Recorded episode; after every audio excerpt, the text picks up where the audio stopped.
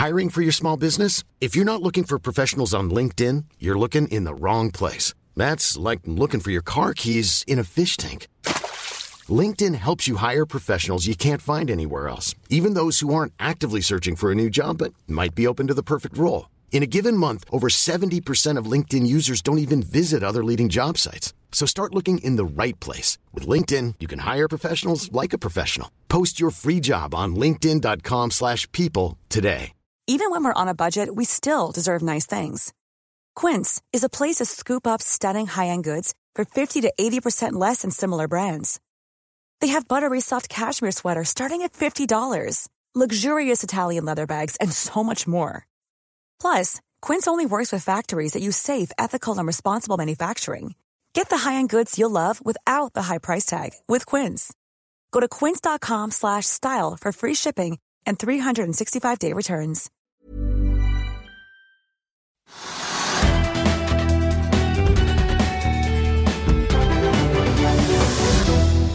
Hei og velkommen til Økonominyhetene. I dag skal vi høre hva DNB Markets tror om Telenor fremover, men først en liten oppsummering av de viktigste hendelsene i aksjemarkedet. På Oslo Børs har hovedindeksen beveget seg rundt null etter en oppgang i går. Oljeprisen er på vei opp, der ett fat brentspotolje nå koster like under 76 dollar. På toppen av dagens vinnerliste ligger foreløpig Quantafuel og Marcel Holding, begge med oppgang på ca. 10% og BV LPG stiger også med 7,1 etter, etter en melding om at BV India kjøper fire tankskip av morselskapet. Også Equinor, Aker BP og Otello stiger og ligger alle på topp av omsetningslisten. På motsatt side av skalaen er imidlertid Golden Energy og Ice Group som topper taperlisten. Begge aksjene har en nedtur på over 8 Den norske kronen styrker seg videre mot euro og amerikanske dollar. Og siden du satt her i går, Trygve, så har det skjedd ganske dramatiske ting på både tiltaks- og koronafronten. Men hvorfor ser vi ikke det i aksjemarkedet? Nei, Aksjemarkedet er jo litt spesielt akkurat nå. Da, for Vi hadde som du er inne på, en kraftig oppgang i går på 2,5% og det var også kraftig oppgang i utlandet. Altså, de amerikanske børsene var kraftig opp, så det var liksom en underliggende tone at liksom, det er bra. Vi, også Oslo Børs var all time high, og liksom, det, var, det var ikke noen store negative ting å finne så kunne man tenke seg da at det som da skjedde på innstramningen og nedstengningen av Norge, at det ville influere ganske kraftig på børsen. Men dit er vi ikke kommet. Altså Folk ser det at man må gjøre masse ting, at man må begrense virksomheten og ikke møte hverandre så mye, og at og restaurantene ikke får lov å ha må ha én meters avstand, og der får ikke selskapet med enn 10 gjester og 20 gjester osv. Det er strammet inn, så man merker det. og Finansministeren sa jo det at vi må holde hjulene i gang. Derfor, kunne, derfor ble det ikke enda verre. Eh, så jeg tror at folk tenker at ok, det er ganske ille for, for hotellnæringen og restaurantnæringen og de som driver barer og sånn, men kanskje ikke så ille for andre. fordi at eh, oljeprisen er høy, som du sier, og man selger masse olje fra Norge, tjener masse penger på det. Vi selger gass, og vi selger altså En stor del av norsk næringsliv, mesteparten, går så det griner og tjener masse penger. og Det er også finansministeren inne på. Eh, og så har vi da fått veldig lokalt forankrede ting som går utover privatlivet til folk, og den lokale puben og den lokale restauranten. Og det slår ikke inn på BNP eller den store, store, greia. så Folk tenker at det betyr ikke så mye. Det kommer ikke til å bety så mye for oljeprisen, det kommer ikke til å bety så mye for skatter og avgifter osv. Vi ser det ikke fordi det betyr ikke så mye, men, men det er skummelt. fordi at hvis det griper om seg, så vil det jo gripe om seg i andre land også. ikke sant? Og da, verden har liksom nå satset på at liksom, god BNP-vekst i Norge, god BNP-vekst i USA, resten av verden 4 pluss 4 eller 5 prosent, ikke sant? god Kina. Og så begynner Kina å bli verre og verre, og så tenker man ok, det, det kan vi leve med. Og så får de problemer da med finansinstitusjoner eller, eller, eller eiendomsselskaper. Så tenker folk ja, det kan vi leve med. Og så har man liksom skjøvet en del ting foran seg, og hvis dette på en måte smalt samtidig, så vil vi merke det på Oslo Børs. Men si at Oslo Børs i dag er pluss-minus null, fordi det var 2,5 i går. Og så er det ingen store endringer i, de store, viktige selskapene heller. Så i dag har folk vært opptatt av skatt, skattelistene. Og at liksom børsen ikke faller. fordi at ok, det kunne falt fordi det er veldig dramatisk det som skjer i Norge. Nei, det er ikke dramatisk, men det er ganske alvorlig for at visse grupper og visse de som er ansatte da, i restauranter osv., de blir kanskje oppsagt opp eller blir permittert for annen eller tredje gang. Det er ganske viktig. Men for resten av landet så går det ganske bra. Men sånn som f.eks. Um, eh, Sats-aksjen, den er jo bare ned 0,1 i dag. Man skulle kanskje tro at det er et selskap som er følsomt for at man strammer inn eh, i Norge, da? Ja, men nå har den falt ganske mye. Og så er det at Norwegian har også falt ned 2% Så det er ingen som kjøper flyaksjer nå. Altså, for Hvis dette brer seg over hele verden, så vil jo da uh, det smitte over på denne type aksjer i alle land. og det er, bare to dager siden så var det kjempeoppgang i flyaksjer. De steg mellom 5 og 10 alle sammen. Også cruiseselskapene gikk ganske kraftig opp, fordi folk tenkte at dette her det er ikke som forrige gang. Vi kommer igjennom det, og folk vil, vil, fly fortsatt. De vil, skal hjem til jul. i Amerika, i Norge. Så det er fremdeles god etterspørsel. Det, og det, det, er kanskje riktig, det vet jeg ikke. Men i Norge er det jo slik at vi har en helt nesten umulig situasjon for flyselskapene. For Norwegian, SAS, Widerøe og, og, de, og de utenlandske selskapene. Altså det, det er flyselskapet, ikke sant. Det er for mange selskaper med for mange, mange fly. Og så er det nok slik at nordmenn, når de får en sånn tvangsnedlegging som jeg får nå, så vil de sannsynligvis tenke at det reiser ikke så mye mer. Det er ikke sikkert jeg reiser hjem til bestemor i, i Alta likevel. Det er, kanskje, det er ikke sikkert jeg reiser til Bergen og Stavanger. Så folk er veldig jeg tror jeg er redde for flyaksjene. Og de har også falt hele tiden. ikke sant? Så Flyr er langt, langt under emisjonskursen på fem kroner. Det er liksom under halvparten. Og derfor får, derfor, får, du ikke en oppgang når det går bra. Når de, melder, når de melder om høye passasjertall, så får du ikke en oppgang for det heller. Liksom. Det, er, ingen som tror på noen ting. Og hvis det kommer litt negativt, da, så går det negativt med en gang. Og nå kunne man tro, som du er inne på, det at liksom, denne nedstengningen vi har, ville da medføre at flyaksjene falt på 5 10-15% Det gjorde de ikke, for det hadde falt ganske mye fra før. Men det kan hende at folk tenker at uh, jeg vil ikke utsette meg selv for å sitte på et fly, jeg kjører eller hjem? Ja, altså En av våre ansatte her på huset skulle til Trondheim i dag. og han, han tok toget. Han hadde aldri tatt toget før. Han enten kjørt eller fly, tatt fly, men nå tok, han, nå, nå tok, han, toget. Det er så hyggelig å ta toget. Det ja, da, så, han sa til meg at jeg skulle sitte i seks timer og lese hele tiden, så det spiller ingen rolle hvor jeg er. Og det er det noe i, da, men jeg tror ikke alle får plass på de togene vi har. Men altså, eh, du sa jo det at økonomien er jo todelt. Vi har jo én del, eller veldig mye, i Norge som går veldig veldig bra. Og så har du da det som går dårlig, som er type utelivsbransjen, hotell, restaurant, alle som eh, jobber med turisme. Vestlandet, alle de som har eh, altså, små rorbuer eller ja. hytter eller hva det er, som de leier ut. Det er taxisjåførene som er i distriktene. De som, de som driver med transport, som kjører opp i fjellet og skal se på vann og så ned igjen til båten som ligger nede osv., de har ingenting å gjøre. Nei, og så da i tillegg så har du Nordkapp-platået. Det er jo ikke mennesker her. Nei, og så I tillegg så har du da de høye strømprisene, som kanskje da disse menneskene også er eh, eksponert for eh, spesielt. Da, hvis man har en altså Sånn som de som jobber i utelivsbransjen, det er jo ikke lønnsvinnerne kanskje i utgangspunktet, og så de da, eh, har de strø høye strømpriser på toppen av det. Det vil jo gi et utslag på norsk økonomi. altså ja, De har jo ikke råd til å handle så mye, f.eks. Nei, det tror, det tror jeg helt riktig er et godt poeng. Altså, man kan se på strømprisen slik den er nå, da, som en ekstra skatt. Nesten. Det er klart Den rammer alle. Enten du har en studenthybel eller du har et svært hus som du skal varme opp med varmekabler og hva det måtte være. Så det er en ekstra skatt. Men hvor mye det slår ut i BNP, det vet vi ikke. Nå kom jo eh, Norges Bank nettopp med en sånn ny oversikt over økonomien, økonomien i går, eller foregårs. Og da er ikke noe av dette med. Da tror man liksom at det går bedre og bedre, ikke sant? og næringslivet er rimelig optimistisk. Så kan det vippe helt over plutselig nå. Ved det at liksom alle andre holder tilbake på forbruket sitt. De kjøper ikke like mange bøker, de kjøper ikke like mange jakker og skjorter. Du kjøper kanskje mindre mat også. så Det slår ut. Men å si at det slår ut i 0,1 poeng på BNP, det er vanskelig å si. Men det slår ut, det er jeg helt sikker på. Ja, Så vi kan jo merke det på sikt? Ja, og så er det også slik at Vi er ikke ferdig med den høye strømprisen. Nå tror folk at politikerne at på Stortinget at eh, Gahr Støre og, og, og, den nye regjeringen at de vil liksom finne en ordning som alt vil bli bra. Det blir jo ikke bra. For, for selv om de klarte å finne på en eller annen løsning hvor de kunne betalt tilbake den prisen de har betalt, den du har betalt og andre har betalt for, for strømmen, du skal få noe tilbake, så de får ikke til det før jul. Altså Det er enorme apparat som skal til for millioner av mennesker skal få penger tilbake. Men da kan de ansette alle fra utelivsbransjen til å ja. jobbe med dette her? Men, men, men det, poenget er at det er, denne nedstengningen er ganske alvorlig for noen få. Så er norsk økonomi veldig bra utenom det. Vi snakket ofte om shipping. altså Tørrlastmarkedet har vært veldig bra i år. Det betyr at det fraktes mye malm, det fraktes mye varer, det fraktes mye biler, det fraktes alt mulig øst og vest og nord og syd. fraktes mye, Og så var det en liten dipp sånn etter sommeren. Markedet var veldig stramt, og så plutselig så er det blitt stramt igjen. Og nå tenker, og Det er kanskje en indikasjon på at uh, verden tror at det vil bli rimelig bra økonomi, rimelig bra vekst, rimelig bra verdenshandel, varer skal fraktes hit og dit. Og så er markedet opp igjen for da den typiske tørrlastfrakten, og det er et positivt tegn. Men også, Det er positivt, ikke sant? og så da, skal du måle det opp mot det, det som skjer i Norge, hvor vi syns det er veldig ubehagelig å bli liksom da få problemer med unger i barnehagen, få problemer med jobben, og alle skal ha hjemmekontor og masse, masse men, men, det er i det store bildet sannsynligvis lite akkurat nå. Men sånn som f.eks. XXL, da, de slet jo veldig med at sykler ikke ble levert eh, rundt sommeren. Og nå så har jo vinteren kommet, eh, og da må jo de være påpasselige med å få inn sine vintervarer. Ja, men det er ikke sikkert de har fått det. Nei? Det vet vi ikke. Og så er det kjempekonkurranse fra Sport1 og Anton Sport og Gjelsten Holding eller hvem det måtte være, tidligere Gressvik og Intersport. Og, altså det er jo en enorm konkurranse. Du må ha nøyaktig riktig varene, de riktige syklene til riktig tidspunkt, riktig skiene til riktig tidspunkt, og støvler til å gå i fjellet med osv. Og, og, XXL har bomma. Ikke hadde fått varene inn som de skulle, og de har liksom bommet i konkurransen. Og de Kursen har jo vært elendig de siste åra, holdt jeg på å si. Syklene deres satt fast i Suezkanalen? Og de satt fast i Suezkanalen. Så, ja, så de, de, er, de, de, hadde en god filosofi med store, store, altså store mengder varer til lav pris, og få det ut.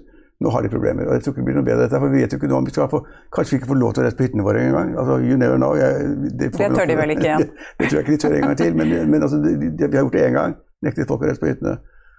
Så kan det også tenkes at folk nå da eh, reiser mer på sine enn før, fordi de da liksom kommer vekk fra byen, og vekk fra smittespredning, vekk fra taxier, vekk fra, fra busser og trikker og T-baner. Og, og reiser på hytta før, og blir der lenger, kanskje. Kanskje. Og da vil de ha mer behov for nye vanter og luer og ski og staver og sånn. Så det er kjempevanskelig, men basically tror jeg at XXL har tatt seg vann over hodet. Får ikke de varene de trenger når de trenger dem, som de syklene de skulle hatt. Og andre sykkelbutikker har også sagt at de fikk ikke syklene sine fra Kina. For containere sto fast. Det, det der er et kjempevanskelig marked. Men eh, det er jo en ting som skjer i neste uke som også eh, avhenger kanskje litt av det som skjer nå, og det er jo rentemøtet i Norges Bank. Og nå er det vel da flere som tar til orde for at de ikke regner med at det kommer en renteøkning likevel? Ja, altså Ni av ti har jo sagt at det kommer én og to og tre og flere renteøkninger i år og neste år. Vært helt sikre på det, for norsk økonomi går så det griner, som de sier. Høy BNP-vekst, lav ledighet, god lønnsvekst. altså Alt er riktig i Norge, bortsett fra strømprisene. Eh, men nå, akkurat nå, de siste uken, de siste to-tre dagene, så har det snudd litt. Og sagt, Åh, det som skjer i Norge nå er så alvorlig at det kanskje at det skader forbrukerne så mye, husholdningene så mye at liksom, vi kan ikke da ta renteøkning samtidig. Og kanskje også business næringsliv som sådan også da har problemer med å tåle en renteøkning, så da lar vi det være. Og Nå sier altså ni av ti var for en kraftig renteøkning en eller flere ganger. Nå vil jeg si at tre av fire av ti sier at det, det, er kanskje ikke nødvendig i det hele tatt. Det er å straffe eh, husholdningene enda mer. Så vi burde ikke heve renten i det hele tatt nå. Selv om Norges Bank har sagt at vi skal gjøre det, vi skal gjøre det, vi skal gjøre det. Men så skal de ikke lenger opp til De skal altså heve da styringsrenten opp til 1,75 innen tre år. Det er jo ingenting. Så det spiller nesten ikke rolle. Samfunnsøkonomene krangler sånn om disse 0,25 og 0,50 osv. Men det er ingen stor effekt i det hele tatt, fordi at det rentenivået vi har, er så lavt, med altså 0,25 og 0,50. Skal du helt opp da med 0,25 ved hvert møte, da, eller fremover. Så skal du krabbe deg oppover til en, rente, en styringsrente på 1,75 eller 1,74. Ja, så jeg tror ingen bryr seg om det. Men eh, altså, før så var det jo sånn at en normalrente lå jo høyere enn det den gjør nå. Ja, før, før, ja, det er lenge siden. Ja, men, altså, sånn, da jeg var ung. Ja. da, da, var det 5-6-7 rente da? Nei da. 5-6-7 ville så til skjorta. Ja, også, men så har den vel da ligget kanskje sånn rundt 2-3 da. Eh, men folk nå er jo så vant til å ha lav rente at det vil jo komme som et sjokk for dem hvis da styringsrenten heves til 1,75. Ja, men det er i løpet av tre år. Og da nå betaler jeg vet ikke hva du har på boliglånene dine, da, eh, du betaler et eller annet sted mellom 1,5 eller 2,5 eller sånn nå er nedpå der. Og det er jo ikke rente i det hele tatt. Du kan trekke fra rentene på selvangivelsen. Og så har du inflasjon, så du har negativ realrente. så det, det er jo, til rentene man har nå, så er det bare å låne skjorta og kjøpe hva du vil, hvis du kan få lov tak i det. Men du får jo ikke mer enn fem ganger inntekt av banken, så da går det ikke an å kjøpe hva man vil. Nei, det er forskriftene. ja. ja så, men, men sett altså i realøkonomien så spiller det ingen rolle. Det, så, men jeg vil tippe at når skal tippe, det blir råtipping, så tipper jeg at Norges Bank hever litt allikevel, selv om de nå noen da, økonomer sier at de bør ikke gjøre det. Hold igjen. Så da blir det god jul fra Norges Bank til, med strømregningen, kanskje. høyere rente og miste jobben for de som er i bransjen. Kanskje, kanskje, kanskje. Ja, Det er jo ikke så hyggelig, da. Men eh, det er jo da en annen ting som har skjedd i dag, og det er jo at skattelisten har blitt lagt frem. Ja, og det er ganske spennende, da. Det ja. Jeg syns du det? Ja, jeg, jeg syns det er spennende fordi jeg vil gjerne se tallene til de personene jeg kjenner, de som jeg kan, de som vi skriver om i Finansavisen hver dag de tjener penger, og så taper litt penger, og så tjener, tjener de masse, og så man skjønner jo ingenting. Og Det er litt interessant å se hvor er det de ligger hen. Det er to ting. Altså, det, to ting. det, første er at de ligger omtrent der hva man tror. De, rikeste i landet, de som har høyeste inntektene, ikke de rikeste, de med høyest inntekt, de har tjent en 300 millioner kroner eller sånn, og hver. Tre-fire-fem stykker. eller sånn. Og De er store skattytere også, og det er liksom spetalen som trader hele tiden. Tjener penger på det, det er bra. Og, vi har, vi har, vi har Trond Trond, Trond Moen i Bergen, som da, har gitt bort 3-4 milliarder kroner i løpet av noen år. Kjempebra person. Men han driver og trader aksjer og selger råvarer, og han syns det er kjempegøy. Han har også trent liksom rundt 300 millioner. Og så har vi da Ivar Tollefsen, som da eier 120 000 leiligheter eller noe sånt. Ja, det er bare helt sjukt. Uh, og han har tjent masse penger, for han har sikkert solgt litt og kjøpt litt, uh, litt privat. Så, og så betaler de mye skatt. Uh, og så betaler de formuesskatt, selvfølgelig. Og så betaler de da mye mindre formuesskatt, og det er poenget enn det man kanskje kunne tenke seg. Men det er veldig mye snakk om formuesskatt, fordi at formuesskatten er da 0,85% Så har du en milliard, som er nesten 10 millioner kroner i, i, i formuesskatt. Eh, men det er, to, det er, to, grupper. De som da på en måte har fått en formuesskatt som er de, de har en formuesskatt i virkeligheten som er større enn den som synes i ligningsprotokollen. Fordi at det er eiendommer, de er litt lavere uh, satt i ligningen. Og så er det også en rabatt som myndighetene sier at du skal ikke betale full pris for alle de aksjene du eier osv. Formuesskatten skal beregnes på et litt lavere grunnlag. Så du får ikke så mye formuesskatt som man ville tro at de skulle betale. Men, og dette ser man så klinkende klart på en ganske morsom sak, og det er det at øh, øh, oljesjefen Nicolai Tangen mm. han står plutselig i tabellene i ligningsprotokollene med en formue på 8,1 milliarder kroner. Og det er fordi han flyttet fra London, men han tjente masse penger. Som, ved, å, ved å kjøpe og selge selskaper sammen med partner og andre, og for andre. Og han tjente da så mye at han kunne ta med seg liksom 8 milliarder hjem etter at han hadde lagt fra et par milliarder i et sånn veldedig fond som da skal gi penger til kunst og annet. Det la han av litt penger, for ellers ville han, ville han ikke fått jobben i Norges Bank. Men han hadde i tillegg så mye ekstra etterpå da han var ferdig. Og det ble han da enig med Norges Bank om at han måtte ta hjem og sette i banken. Og det har han gjort. Om det står i Norges Bank, det tror jeg ikke, han prøvde på det. Men i andre banker. Og da står det krone for krone.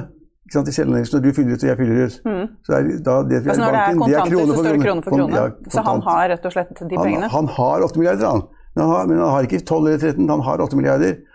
Og fordi han har da 8 milliarder, så skal det bli jo det da 80 millioner da, røftlig i, i, i formuesskatt. Så han har da en skatt jeg vil tippe Hvis du slår opp, så har han, formue, har han en skatt på 75-80 millioner kroner. For han har 8 milliarder i formue. Og hva han da har i leilighet eller hus eller motorsykkel eller båt, det spiller jo da ingen rolle.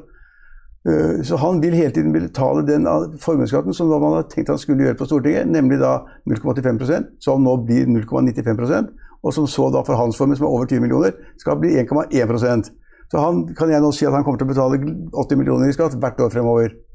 I tillegg blir det med hvis han tjener penger på noe annet enn å ha lønn i, i, i, i Norges Bank og oljefondet, og der tjener han 4-5-6 millioner eller sånn. Jeg vet ikke. Ja, men, ok, Så det blir et par millioner i skatt av det. Men i forhold til den formuen på 8 milliarder i banken, så er det ingenting. Så han er blant Norges rikeste, og han er i en veldig heldig situasjon. Han kan ta da sannsynligvis ut fra det han trenger hele tiden. Men har han noe valg, egentlig, med den stillingen han har? Nei, og det var det Norges Bank sa, at det begynte å bli litt varmt, det varmt en ørne på han eh, i prosessen da han hadde kommet hjem, og sånn, så var ikke avtalen helt klare. Altså, eh, Sentralbanksjefen hadde rotet, så han hadde ikke gjort det ordentlig. hadde ikke gjort leksa ordentlig. Jeg var så lykkelig for å få da Tangen til å jobbe for seg, og for Norge, og for deg og meg, at han glemte detaljene og de viktige tingene og tok, for, tok forbehold. så da, med, da, ble man enig om at de pengene han hadde ute, skulle ikke da stå på Cayman Island eller i Luxembourg eller i Belgia eller i i andre land som har med lave skatter, Østerrike eller Monaco eller sånt. han måtte ikke ha ett øre ute. Alt måtte til Norge, så fikk han ikke jobben. Og da sa selvfølgelig gjør jeg det. Jeg, da tok jeg pengene og satte på en annen konto. Men, uh, og, han, og, han, var sikkert ikke noe lei seg for det. var liksom da, det har, har 8 milliarder, så har det 8 milliarder. Ja, da har man som man klarer seg. men, hvis, men hva kan, kunne han gjort? Kunne han f.eks. kjøpt et kjempedyrt hus i et annet land? Ja, Det får han sikkert lov til. En feriebolig, han har en båt og greier. Så det får han sikkert lov til, men han må ha pengene stående på en konto. Ja. Men, men det, så det interessante i den saken som kom i dag, det var liksom som han hadde 8 milliarder, betalte ca. 78 milliarder kroner i, i formuesskatt. Og så har vi da Røkke, som da står i alle spaltene i dag som Norges rikeste. ikke sant? Mm, med 19,6 milliarder. Ja, men han er jo ikke Norges rikeste, for alle vet jo at de riktige tallene finner man i Kapitals 400-liste, hvor vi regner kraftig og nøye på det. Uh, og da liksom der, kan du gange det med tre-fire ganger. Da, ja, For der står Røkke oppført med 36 milliarder. Ja, så da kan du gange, gange med tre eller fire, så er det på hans reelle formue. Fordi han har masse aksjer altså hans, En stor del av formuen, i tillegg til fly og båter og sånn, eh, består jo da av hans aksjer i Aker. Og de får en rabatt ved ligningen. Den var på 35% nå skal det bli 25 bare. Eh, så han har en kjemperabatt der. Og hadde han tatt som da eh, Tangen måtte gjøre, og likvidert alt det han eide liksom, og satt det på en konto, så ville han da kanskje hatt 19? Da ville det blitt litt mer. Ja, ikke fullt ut, ikke sant? Så, ja, men han ville få mer. Men han er langt bak Johan O. Andresen eller, eller uh, Vi har jo alltid Jon Fredriksen på topp. Ja, så kan man jo diskutere om han er norsk. Fredriksen er liksom halvt norsk. Men han er på topp, selvfølgelig. Mm. Og, og, og, eh, og uh, Rimi-barna, holdt jeg på å si, og far. Mm. Odd, Hagen, ja. Odd Reitan, og så har du Hagen, og så har du Johannessen-familie, som eier, eier Norgesgruppen osv. Alle de er milevis over da Røkke. Men han kommer da godt ut, for han har da på en måte veldig mye av pengene sine i aksjer, og det vet man omtrent hva er. Men, eh, altså, Så da viser det seg at skattelistene eh, de er eh, på en måte nøyaktige når det kommer til Tangen, som har kontanter, men andre, andre rike, det skjønner vi jo ingenting av. Nei, alle andre viser feil. så Alle andre har da mye større formue i virkeligheten enn det de har da i ligningsprotokollene. Ja. så enkelt er det. Og, og, men, men, man kan jo se da at også et annet interessant trekk ved ligningsliste som ikke, ikke angår business og finans, som det vi skal være gode på, men det ser man også da at sportsstjernene, når de tjener penger, så må de ikke betale skatt hele tiden som du og jeg må. Da kan de legge det i et fond, de store stjernene, og så, og så slipper de å betale skatt. Så betaler de skatt når de tar pengene ut av fondet når de er ferdig med karrieren, alt er over, ingen kostnader ved å reise verden rundt. Og så kan de ta pengene ut av fondet, og da betaler de skatt av det. Etter karrieren? Ja, etter karrieren. Men formuen, den de, som da står i det fondet, den er alltid offisiell. Og da, da på en måte, Hvis man ser på ligningsstand, så ser man at de har ikke noen særlige inntekter. De har kanskje tjener altså, altså Therese tjener kanskje et par millioner, eller hva det måtte være. Men de har en ganske høy formue på 30 eller 50 millioner, for de har spart opp det de siste årene. Og Den formuen kan du da senere leve av, ta ut når du vil, ikke sant, og bruke til, hva hun vil. Men i mellomtiden, inntil du tar ut og begynner å ta så har du sluppet å betale inntektsskatt. Så man ser at de, de, tjener bra, men de tjener ikke så bra som de egentlig gjør. for Man ser ikke tallene. Men de må vel uansett betale formuesskatt av den, det fondet, da? Det fondet må de betale en andre av det. Der det står 10 millioner, så blir det formuesskatt av 10 millioner, eller 50 millioner, 60 millioner. Og da, da, da Svindal kom hjem fra utlandet, han bodde i Østerrike, så hadde han med seg masse penger som han hadde tjent opp mens han var der, og, og som han har hjemme nå. I Monaco? Bodde han ikke i Monaco? Nei, han tror jeg bodde i Østerrike. Okay, ja. Jeg er ikke så inne i sportsverdenen. de, de, de, fire beste tennisspillerne i verden de bor i Monaco. Okay. Og, det, og, og, Kasper Ruud, norsk, han er nummer åtte i verden, han bor på Snørre. Ja, ikke sant? Offisielt. Han må skatte. Ja. ja. Men er det noe mer i skattetallene eller uh, av koronatiltakene som uh... Nei, altså det, Nei, eh, det er, altså i, Når det gjelder ligningsstand, så er det veldig mye det samme som går igjen. altså Det er veldig mye arvede penger. Og så er det noen som er superflinke, sånn som Spetalen og Harald Moreus Hansen og andre sånn, som tjener penger hele tiden. og De vil da få høye inntekter, for de kjøper og selger. Så de er ikke ett et selskap eller en bygger opp en bedrift som, tar, som de kanskje bygget opp for 100 millioner, så er det kanskje verdt en milliard. De kommer jo ikke frem ikke sant? De kommer ikke frem før de selger. Men så typen investorer som Spetalen, de selger og kjøper hele tiden. Og da vil da deres inntekt komme frem hvis de er flinke. Og de betaler da skatt av inntekten, den reelle, altså den faktiske inntekten da, som de tjener, enten det er eh, gevinst, dividender eller gevinst ved aksjesalg. Og så må de betale formuesskatten, selvfølgelig.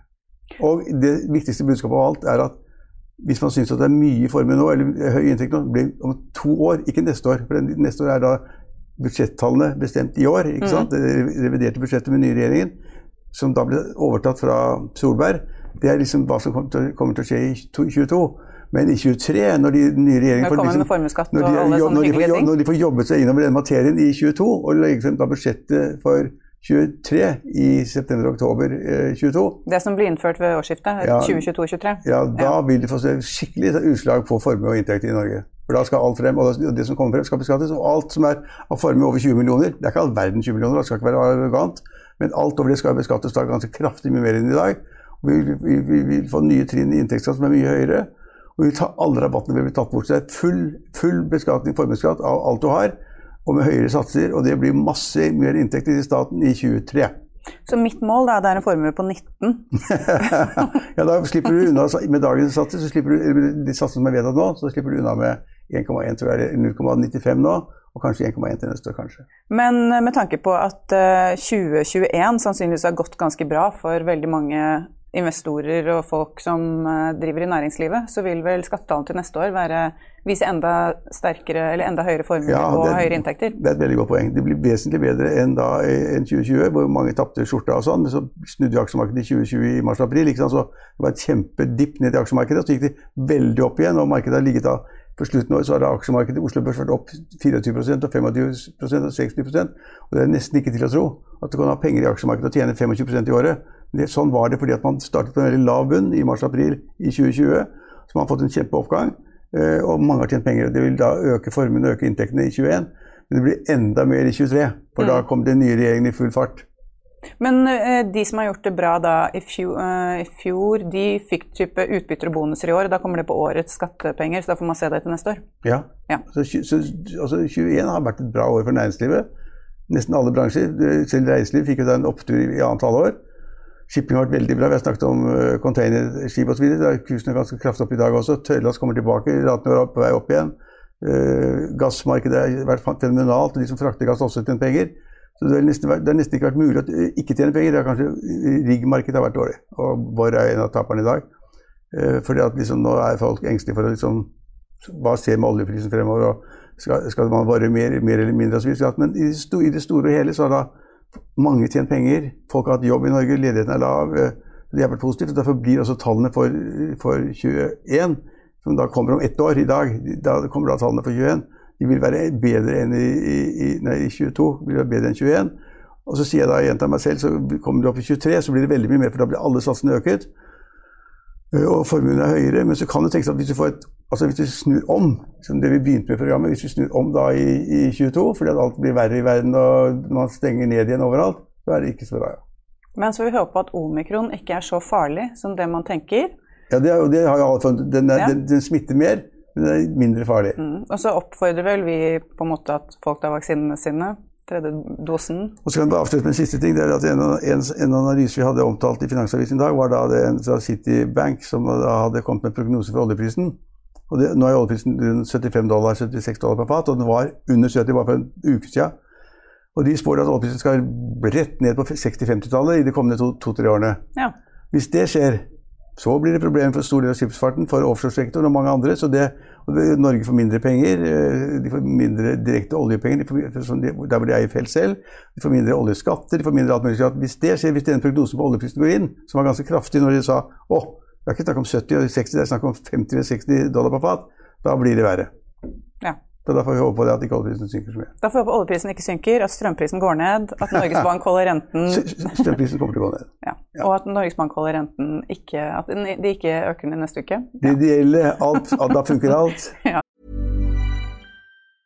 Hiring for your small business? If you're not looking for professionals on LinkedIn, you're looking in the wrong place. That's like looking for your car keys in a fish tank.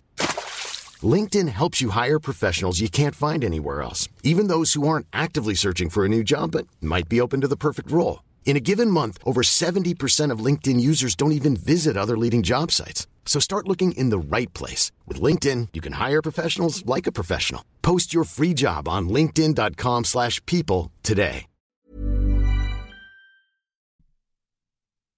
I'll see you in court. Vi sier det ofte litt på spøk, Men for deg som driver business, er det aldri moro å innse at du ikke har laget en 100% gyldig kontrakt. Du bør ikke risikere hele firmaet ditt fordi du synes dette med kontrakter er litt stress. En avtale er ikke en avtale. Du kan miste kunder, miste venner, ja, til og med miste inntekter om du ikke lager en skikkelig kontrakt, på alt mulig, egentlig. Men vi vet det er et styr. Kopimaskiner, tregprinter og haugevis av papir. Dessuten stoler vi jo på folk her i landet. Det er ofte litt kleint å skulle be om en signatur for alt mulig, ja, for mye av styret handler også om jakten på underskriften.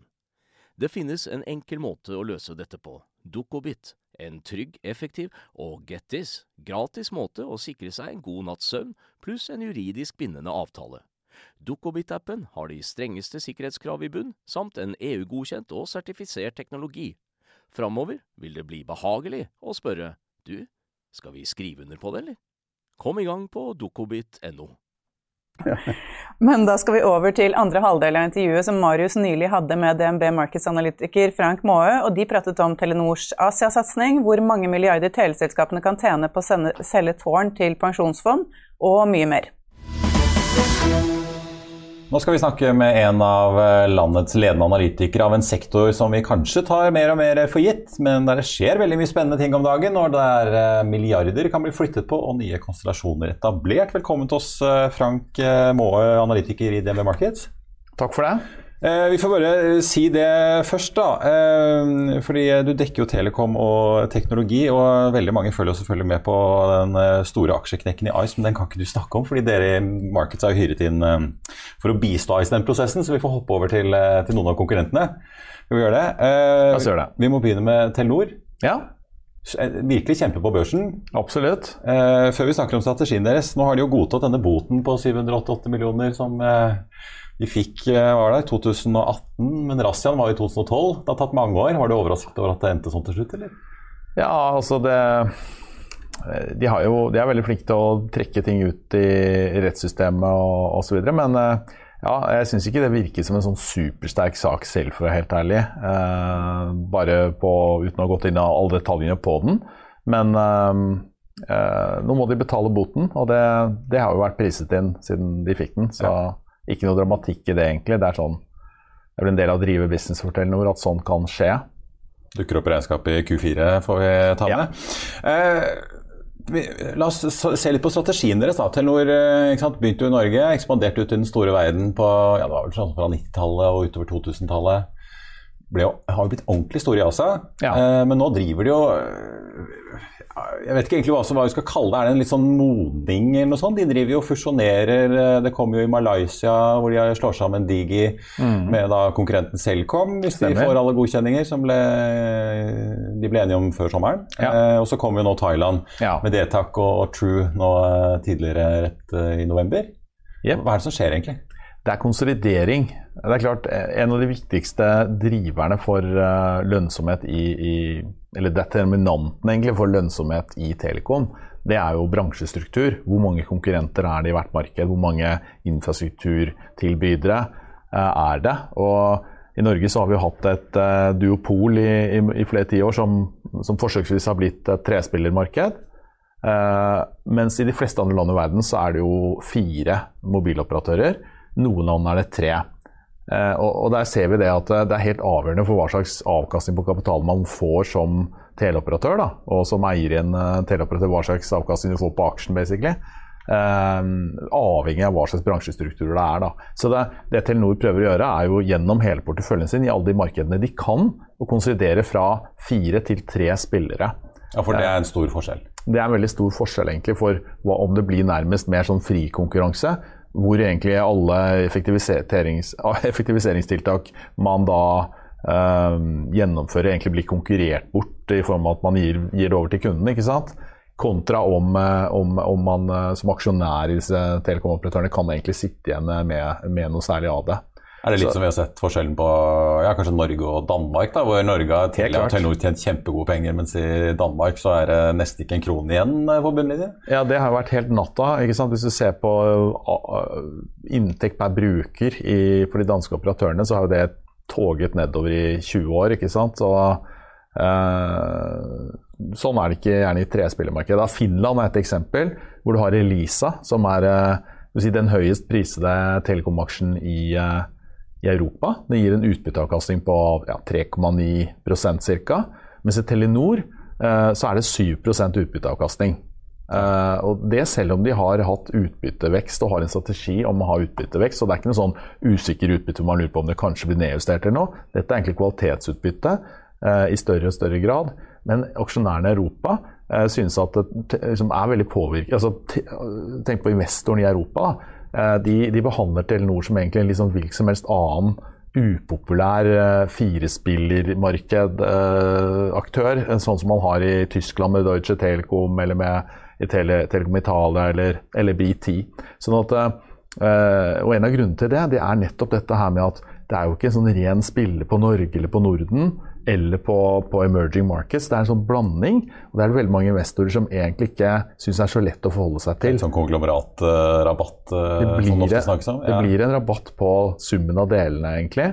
Uh, sånn som vi ser det, da. Ja, for Telia har jo De kastet jo kortene i Asia og Midtøsten etter alle disse korrupsjonsskandalene i Usbekistan og rundt omkring. Helt klart. Flyttet hjem med Johan Denlin, som uh, var sjef uh, før Alison Kirby kom inn nå nylig. Ja. så de er jo bare i Norden og Baltikum. Ja, og hva, hva, tror du, hva tror du Ja, og Tele2 Jeg har gjort mye av det samme. Ja, hva mm. tror du Telenor kommer til å gjøre? Det er jo mye spekulasjoner i hva Telenor skal gjøre, men det virker ikke som Sigve Brekke har tenkt seg ut av Asia, i hvert fall ifølge hva han sier. Ja, i forhold til hva han sier. ikke sant? Det er klart det er veldig viktig i Asia å være langsiktig. Eh, og gi uttrykk for at man er langsiktig på alle mulige måter. Man må liksom vise commitment. Det har jo Telenor gjort over tid. De har begynt å vakle på det nå.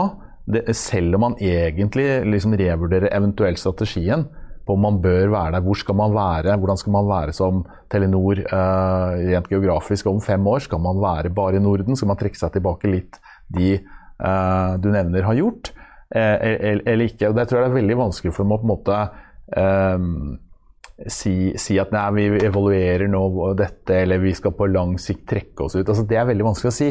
Du må liksom, Enten er du langsiktig i Asia, eller så er du ikke. Ja, du kan ikke si det før du på en måte har avtalen om å eventuelt gjøre noe? Nettopp. Når noe er signert eventuelt, uh, hvis det skulle finne sted. Det er jo slett ikke sikkert. Men uh, da, da, kan man eventuelt gjøre det. ikke sant? Jeg tror det blir flere faser her. Men hva, hva, betyr det egentlig for inntjeningen til Telenor? Du nevnte jo litt utbytteavkastningen, som er jo ganske høy. Ja. Eh, men nå sier de jo selv, nå blir de nummer én i Thailand, Malaysia, mm. og de er nummer én i Bangladesh. Ja. Eh, så er det bare Pakistan igjen, eh, så vi kan kanskje forvente at det kanskje kommer til å skje noe, eh, skje noe der fremover. Men vil inntjeningen til Telenor øke ganske mye i årene fremover, da, hvis de klarer å liksom, få redusert antall aktører i disse markedene? Det er det absolutt muligheter for. Jeg tror Pakistan er jo ikke verdt så mye uh, per aksje, egentlig. Det er ikke en veldig viktig del av uh, verdien i Telenor, også fordi det er såpass høy avkastning, uh, altså høy, høyt avkastningskrav i et land med den type politisk risiko som man må legge på det. Så jeg tror liksom det blir litt som Myanmar, at Telenor mistet jo Myanmar, dessverre. uten at det på en måte var et stort skrell for aksjekursen. Det, det var en negativ effekt, helt klart. Eh, men, noe av det samme ser du på Pakistan, tror jeg. at liksom, Hvis de klarer å gjøre en god deal der, så blir ikke det et veldig stort løft. liksom. De store områdene i Asia det er jo de modne, mer avanserte markedene de er inne i, sånn som Thailand og Malaysia, hvor de har investert mye, hvor det er mye verdier. Og, og de synergiene de kan skape der nå ved å bli nummer én, eh, samtidig som du, de klarer, nå, klarer å endre bransjestrukturen slik at det blir litt mindre konkurranse også. Litt vanskelig å kommunisere akkurat det med, med at det kanskje kan få en liten prisoppgang. Og, ja, for De snakker jo mye om at sånn, men, de er i ferd med å bli en digital tele, telco, altså telekomoperatør. Ja. At de trenger skala for å konkurrere, særlig i bedriftsmarkedet. Men, men, er det egentlig at de snakker litt rundt grøten, at det egentlig handler om å, å få ja, færre aktører og få opp marginene, få opp inntjeningen? Helt klart. At det, er blitt, at det er blitt så modent at liksom alle, alle har mobil, og du klarer ikke liksom å skape så mye vekst lenger? Jeg tror, jeg tror, jeg tror definitivt det. At eh, selvfølgelig eh, det er, det er, absolutt noe i det de sier. For det er klart det å dublere investeringer, gjøre, liksom bygge flere nett uh, enn man trenger, særlig når man går mot en 5G-verden som er egentlig designa for å dele den infrastrukturen, uh, så, så, er det en egentlig dårlig idé. Uh, det å ha doble distribusjonskanaler eh, doble organisasjoner, sånn som vi har True og Dtac. Slå sammen det. Du kan egentlig bare ta bort den ene organisasjonen, og så klarer resten stort sett å bære det samme, dog med noe mer staff på kundeservice. Trafikken kan du slå over på nettene. Hvis du har nok frekvenser, så kan du i løpet av en ganske en viss sånn migreringsperiode bære det også. Så det er enorme kostnader man egentlig kan ta ut. Men selv om man klarer bare å ta ut si, mellom 5 og 10 av av cash-kostnadene, som har vært liksom det typiske i sånne type fusjoner man har sett andre steder, f.eks. i Europa, så er det ganske store uh, gevinster sånn verdimessig. De prøvde seg jo på en sånn kjempefusjon i Asia som ikke ble noe av, eh, med Axiata Group. Stemmer det. Så nå kjører de land for land i stedet. Ja. Men tror du Telenor skal inn i noen nye land i Asia, da? eller? Det tror jeg ikke. Nei. Nei. Er det fordi det ikke fins noe land å komme inn i, eller fordi de ikke vil eller tør? Jeg, jeg, tror godt at de kan komme inn i nye land gjennom en sånn type fusjon som en diversifisering. Men jeg tror ikke, uh, når jeg svarte nei, så var det i forhold til at jeg tror ikke de kommer til å bygge uh, nett i noen flere land i Asia. Rett og slett fordi det, de mulighetene er, er borte. Det toget er, det, ja. det toget er gått, nå er det bygd ut. Det siste som gikk av de togene, uh, det var jo Myanmar-toget som de tok. Og så var det det aller siste var Filippinene. og der erkjente de det at det å finne en partner i, i Asia med de kravene man har nå til å uh, ja, nærmest bevise den partnerens uh, uskyld i forhold til alt som måtte være korrupsjon og ikke sant, bevise at, ja, ikke sant, etikk og governance og alt det der, at det skal være i orden. Det er nesten omvendt bevisbyrde. ikke sant? Før så måtte man eventuelt finne noe bevis for at, at, partneren hadde gjort noe galt, før man da ikke kunne gjøre noe med den. Nå er det omvendt. Ja. Og det har jo Telenor gjort masse erfaringer med opp, igjen, eh, opp gjennom årene. Enten det er i VimpelCom eller det er i, i, med, med, Unitech, da, som var partneren i India den gangen. Eh, men også uh, kan man jo se hva, som du nevnte, hva, hva, hva, slags erfaringer Telia gjorde seg. da. De fikk noen miljøbøtter i Nederland og USA etter hvert, de òg? Ja, ja, akkurat. Det var den Usbekistan-korrupsjonssaken. Vi må snakke litt om, eh, om tårn. Ja. Passiv infrastruktur kaller de det. Altså det er ja, boder med kraftforsyning, og det er fiberkabler inn, og det er selve ja. ståltårnet disse mobilbasestasjonene står i. Ja. Eh, både Telia og Telenor driver jo skiller dette ut i egne selskaper. Mm. Eh, Telia har jo, får jo inn nå 7, ja, litt avhengig av kronekursen, men 7,2 milliarder norske kroner ja. får halvparten av tårnvirksomheten i Norge og Finland. Og Telia-sjef Alison Kirby er kjempebegeistret og gira på de kvartalspresentasjonene jeg har hørt over mm. potensialet her, og sier at mer kommer. Ja. Dette har de appetitt for. Ja. Telenor har satt sin gamle Sverige-sjef Karen Hilsen til å lede sitt tårnselskap. Hva tror du Telenor kommer til å gjøre? Jeg tror de kommer til å gå egentlig litt samme veien, eh, men ingen av disse selskapene gjør dette fordi de fordi de må for å redusere gjelden sin eller, eller lignende, slik vi har sett nedover i Europa, hvor type Telefonica sant, har, har, hatt altfor mye gjeld. Og så på en måte, ja, For dette er en trend i Europa, det er ikke bare ja, ja. Norden? Ja. Ikke sant. I prinsippet så, altså Det er en kjempestor trend i Europa. Uh, og du har jo f.eks. i Spania et eget uh, børsnotert uh, og ganske fremgangsrikt tårnselskap som heter Celnex. Som, som, har gjort mange transaksjoner og, og, kjøpt opp mange tårn i Europa. Da. Så dette er en ganske sånn hot Eh, hot sektor, og det er store infrastrukturfond som også går inn og investerer her. Men Hva er det som driver det at man begynner å skille ut det å drive mobilselskap fra det å drive disse mastene og tårnene? Ja, altså Det er flere ting. For det første er det jo en operasjonell gevinst, som sånn Telia har påpekt, og som Telenor også har påpekt. I Telenor, så, så I Norge så, så, lå jo tårnene fordelt i tre forskjellige selskaper.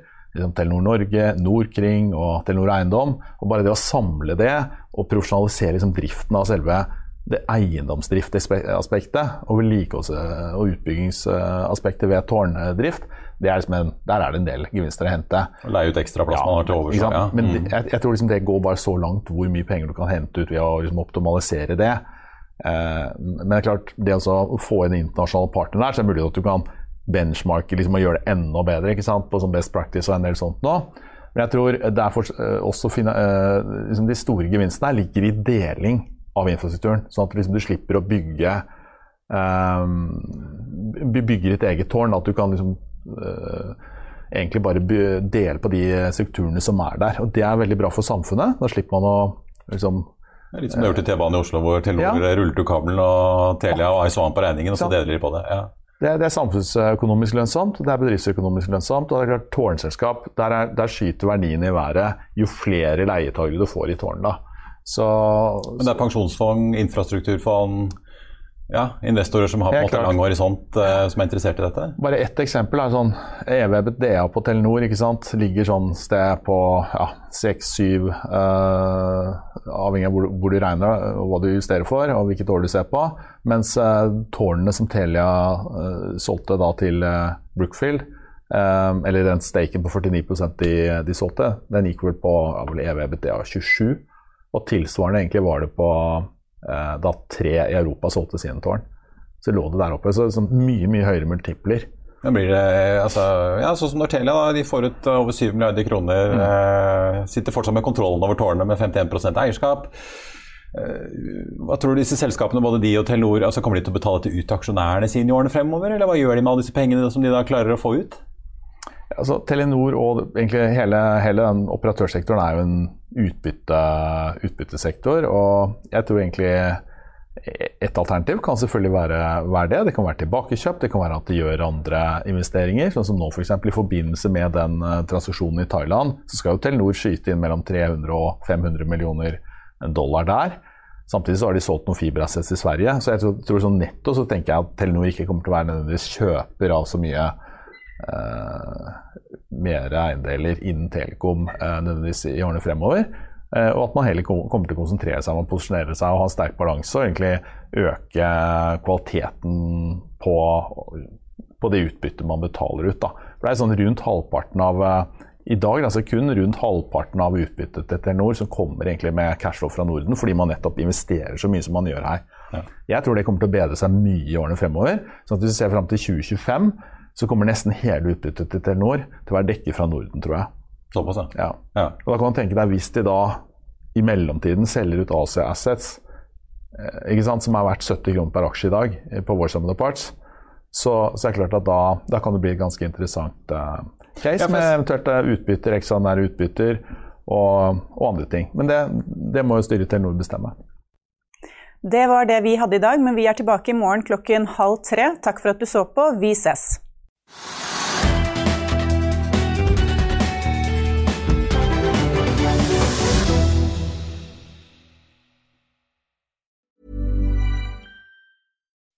When you make decisions for your company, you look for the no-brainers. If you have a lot of mailing to do, stamps.com is the ultimate no-brainer. Use the Stamps.com mobile app to mail everything you need to keep your business running with up to 89% off USPS and UPS. Make the same no brainer decision as over 1 million other businesses with Stamps.com. Use code PROGRAM for a special offer. That's Stamps.com code PROGRAM.